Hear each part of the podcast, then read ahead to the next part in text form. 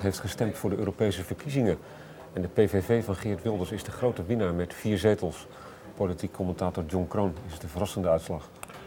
Een partij die uit het niets op vier zetels komt, eh, dat is uh, verrassend, dat is opmerkelijk, dat is ook nog nooit vertoond bij de Europese verkiezingen. Heel verrassend is het ook weer niet, als je beseft dat die partij in allerlei peilingen al uh, vrij groot was. Er waren peilingen die erop wezen dat ze de grootste zou worden. Hm. Ze zijn de tweede geworden. Dat is, is bijzonder. Ja. Waar is deze uitslag een uiting van?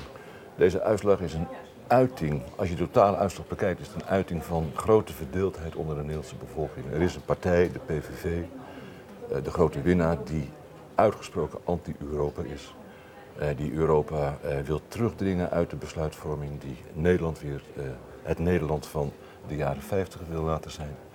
Er zijn twee andere partijen die hebben gewonnen, GroenLinks, D66, die hebben samen drie zetels gewonnen. Dat is maar één zetel minder dan de winst van de PVV. En dat zijn partijen die juist de macht van Europa willen versterken. Die niet geloven in het pure oranje gevoel. Die denken, we kunnen uh, de internationale concurrentie niet aan zonder een sterke Europa. Dus Nederland is heel erg verdeeld.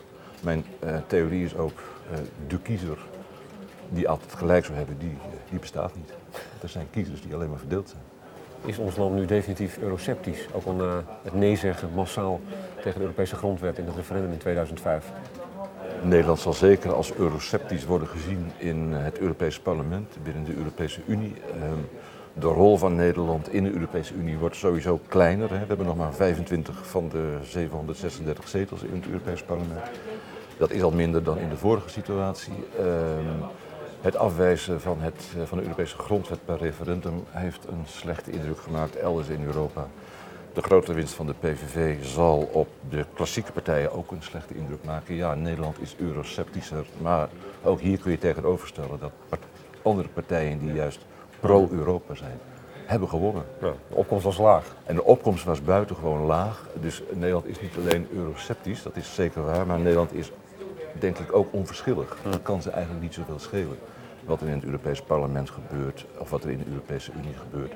Dus men heeft, uh, de opkomst was slechter dan vijf jaar geleden. Uh, dus die 25 mensen die straks voor het, in het Europese parlement zitten als Nederlanders, die vertegenwoordigen slechts een minderheid van de bevolking. En dat is eigenlijk wel treurig. Wat zegt deze uitslag over het Nederlands kabinet? PvdA verloor fors van 7 naar 3 zetels. CDA verloor ook. PvdA heeft een enorme klap gekregen. Dat is denk ik na de winst van de PVV het meest opmerkelijk aan deze uitslag. PvdA is bijvoorbeeld de derde partij in Amsterdam. Mhm. Niet meer de grootste in Rotterdam, niet meer de grootste in Utrecht. Dus dat is opmerkelijk. Het CDA heeft ook verloren, is nog wel de grootste partij van Nederland geworden. De ChristenUnie is ongeveer gelijk gebleven, de derde partij in de coalitie. Het is slecht nieuws voor het kabinet, hoe dan ook. Tussentijdse uitslagen zijn altijd slecht voor een kabinet overigens. Dus dat is ook weer niet zo wonderlijk. Uh, zou het nou moeten betekenen dat het kabinet moet aftreden? Daarvoor hebben Wilders van de PVV en Rutte van de VVD eh, gepleit. Nee, want dit waren Europese verkiezingen. De kiezers hebben in 2007 de huidige partijen een mandaat voor vier jaar gekregen. En als die partijen het nog steeds met elkaar eens kunnen worden en de oppositie slaagt er niet in om het kabinet te laten vallen, dan kan het gewoon blijven zitten. Maar ik denk dat deze uitslag wel het begin is van een bijna permanente verkiezingscampagne. Volgend jaar hebben we gemeenteraadsverkiezingen, het jaar erop provinciale statenverkiezingen en Tweede Kamerverkiezingen.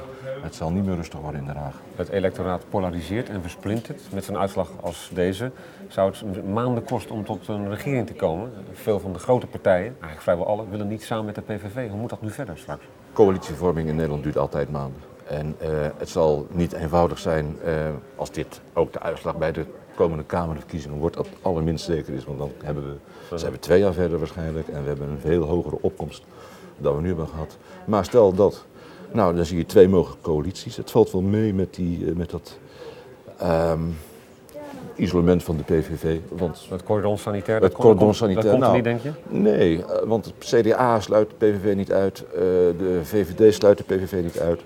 Ik geloof dat ze nu samen ongeveer 75 zetels zouden halen met z'n drieën. Dat is net niet genoeg, maar de PVV kan misschien nog wat meer winnen bij landelijke verkiezingen en bij een hogere opkomst.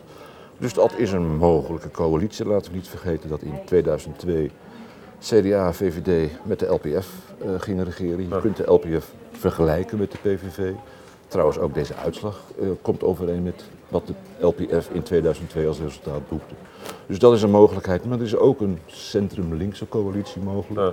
Die zou kunnen bestaan uit CDA, PvdA, D66 en wellicht GroenLinks. Die beschikken over iets van 80 zetels. Het zal ook niet eenvoudig zijn, maar het is mogelijk. Nederland is een coalitieland. Met of zonder PVV. De PVV is nu de tweede partij van het land. Hoe zie je die opmars voortgaan?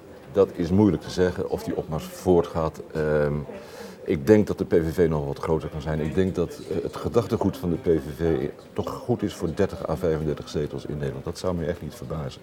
En dat is een realiteit waar iedereen het moet- doen.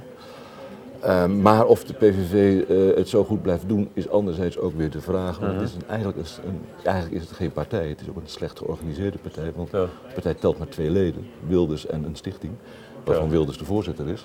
Ja.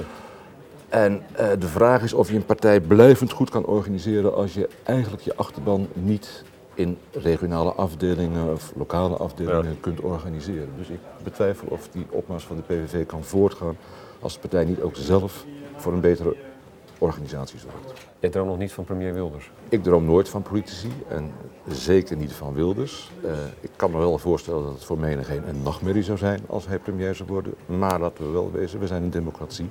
Als de bevolking de PVV de grootste partij zou maken over twee jaar, de PVV slaagt erin om met andere partijen een coalitie te vormen, dan wordt Wilders maar premier en dan zullen we zien wat er van komt.